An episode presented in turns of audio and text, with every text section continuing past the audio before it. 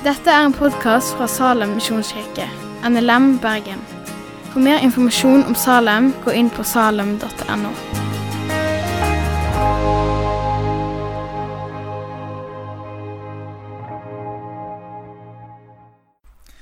Nåde være med dere og fred fra Gud vår Far og Herren Jesus Kristus.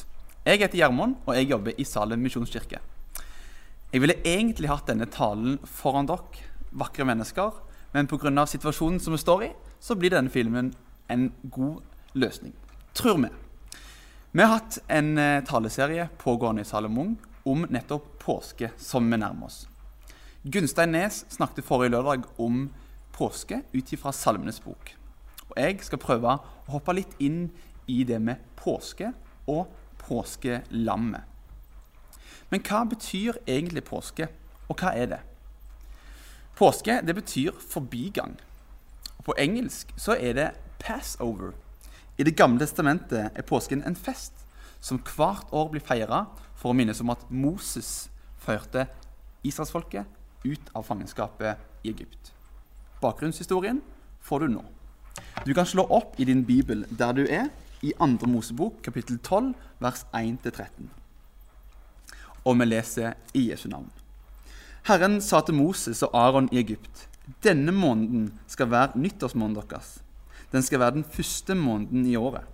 Si til hele Israels menighet på den tiende dagen i denne måneden skal hver husfar ta et lam, ett til hver husstand. Men hvis husstanden er for liten til å ete opp et lam, skal husfaren og den nærmeste naboen ta ett sammen. Alt etter hvor mange de er. Da skal ikke regne flere på hvert lam enn at alle blir mette. Lammet må være et års gammelt værlam uten feil. Dere kan ta enten et lam eller et skje. Dere skal ta vare på det til den 14. dagen i denne måneden. Og i skumringa skal hele forsamlingen av Israels menighet slakte det. Så skal de ta noe av blodet og stryke det på de to dørstolpene og på bjelken over døra i husa hvor de eter det. Kjøttet skal de ete samme natt. Det skal være stekt over ilden, og dere skal ete det med usyra brød og bitre urter. Dere må ikke ete det rått eller kokt i vann. Nei, det skal være stekt over ilden med hode, føtter og innvoller. Dere må ikke la noe bli igjen til morgenen etter. Er det noe igjen om morgenen, skal dere brenne det opp. Slik skal dere ete det. Med kjortelen bundet opp om livet, sko på føttene og stav i hånda. Et det i all hast. Det er påske for Herren. Denne natta skal jeg gå gjennom Egypt og slå i hjel alle førstefødte i landet, både mennesker og dyr. Og jeg skal holde dom over alle gudene i Egypt. Jeg er Herren. Men blodet skal være det merket som viser hva hus dere er i. Når jeg ser blodet, vil jeg gå forbi. Ingen ødeleggende plage skal ramme dere når jeg slår Egypt. Slik lyder Herrens ord. Jeg vil ta med dere inn i to punkter ut ifra teksten her. Dette med lammet og dette med dommen. For som vi leser i teksten, så er det Gud sjøl som innstifter påsken. Og så får vi i slutten av teksten et inntrykk av at her skal det komme en dom. Og Hvis du leser litt videre ut i kapittelet, så får vi bli møtt med en som kalles for ødeleggeren. En natt på én plass så skal det være en midlertidig dommedag. Og Den eneste måten å unnslippe denne dommen, denne ødeleggeren, var nettopp å ha blod strøket over dørstolpene. Så står det at etter de har strøket blodet rundt dørkarmene, så må de ikke gå ut gjennom døra, ikke gå ut i gata. Hvorfor det, kan en da stille spørsmålet. For ødeleggeren var ikke bare ute etter egypterne. Alt som kom i hans vei, sto i fare. For i seg sjøl så er ikke israelittene, og var ikke israelittene noe bedre enn egypterne. Deres gode liv, deres tempelliv, bønnelivet deres, i seg sjøl var ingenting som kunne berge dem ifra denne ødeleggeren. Ingenting ville hjulpet de der ute i møte med ødeleggeren.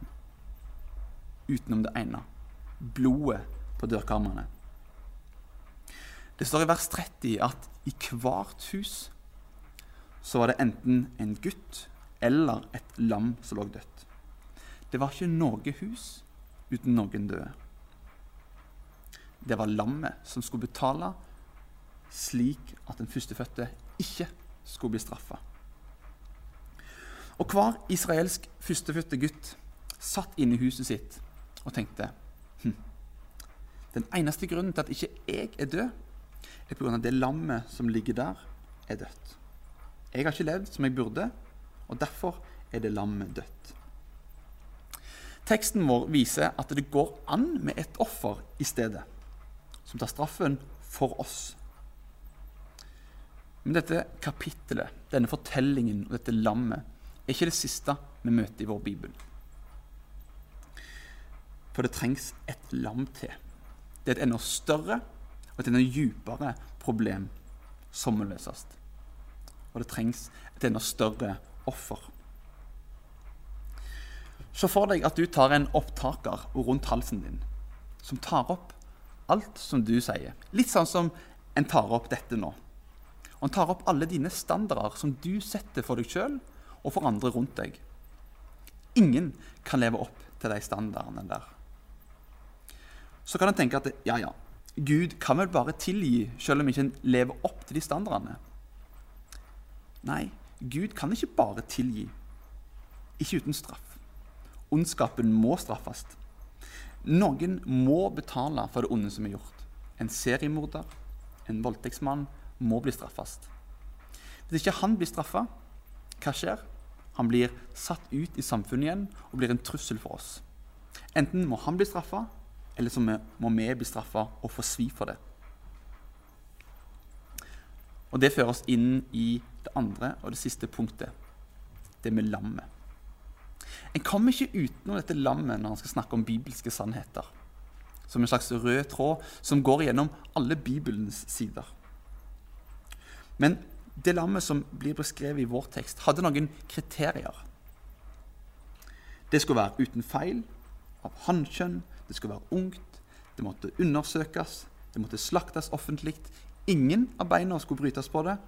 Og til slutt blodet på israelittenes dørstolper var et tegn på at Gud skulle gå forbi og ikke ødelegge familiens førstefødte. Så la oss snakke om vår venn og Herre Jesus. Han var syndfri og fullkommen. Og i sin menneskeskikkelse var han både en mann og forholdsvis ung da han ble drept. Han levde et svært godt og bevitna liv. Han døde i offentlighet. Og tross hans brutale dødsmåte var ingen av beina til Jesus brutt. Til slutt så er Jesu blod en bekreftelse på Jesu død. Og ved Jesu død blir vi berga ifra den kommende dommen. På denne måten så oppfyller Jesus alle de profetiene i Det gamle testamentet. Og når vi er samla her i fellesskap, eller andre plasser der du feirer nattverd, så leser vi fra en tekst fra 1. Korinterbrev som begynner i det natt. Da Herren Jesus ble forrådt, tok han et brød, takka, brøt det og sa:" Dette er min kropp, som gis for dere. Den, den natta når Jesus blir forrådt, så samler han sammen disiplene sine. Og så forklarer han måltidet, påskemåltidet. Og Han sier at dette måltidet er min kropp. Jeg skal lide for å gi ikke bare delvis frihet, men en ultimat frihet. Og dette er mitt offer. Men det var ingen lam på bordet. Hva påskemåltid var vel dette uten et lam på bordet? fordi lammet var ved bordet. I kveld er jeg lammet. I kveld gir jeg det ultimate offer, en gang for alle. Johannes sier, se der, Guds lam som bærer verdens synd. Apostelen Paulus skriver, vårt påskelam er slakta. Kristus. Det som var umulig for loven, siden den sto maktesløs fordi vi er av kjøtt og blod, det gjorde Gud. Han sendte sin egen sønn som syndoffer. i samme slags kjøtt og blod som syndige mennesker har, og holdt dom over synden i oss. Vi har ikke levd som vi burde, og vi fortjener straff.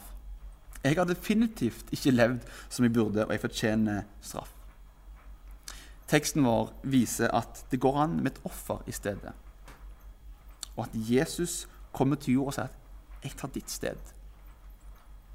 Gud stiger ned som et menneske, og Jesus så det ikke som et rov å være Gud lik, men ga avkall på sitt eget, tok på seg tjenerskikkelse og ble menneskelik da han sto fram som menneske, fornedret han seg sjøl og ble lydig til døden. Ja, døden på korset. Korset, det var vårt. Det var vår synd, det var vårt kors, og det var vår straff. Men han blei såra for våre lovbrudd, knust for våre synder. Straffen lå på han, vi fikk fred. Ved hans sår blei vi helbreda. Jesus blir nagla fast til vårt kors. Straffen som vi skulle fått, blir ramma han, og vi går fri. Rein og rettferdig, himmelen verdig, er jeg i verdens frelser alt nu. Ordet forkynner at mine synder kommer han aldri mer i hu. Og jeg er frelst og salig fordi Sønnen har gjort meg virkelig fri. Fri fra nøden, dommen og døden. Herren velsigne deg og bevare deg. Herren lar sitt ansikt lyse over deg og være deg nådig. Herren løfte sitt åsyn mot deg og gi deg fred. Takk for at du har hørt på podkasten fra Salem, Bergen. I Salem vil vi vinne, bevare, utruste og sende, til Guds ære. Vi ønsker å se mennesker finne fellesskap, møte Jesus og bli disippelgjort her i Bergen og i resten av verden. Vil du vite mer om oss, gå inn på salem.no.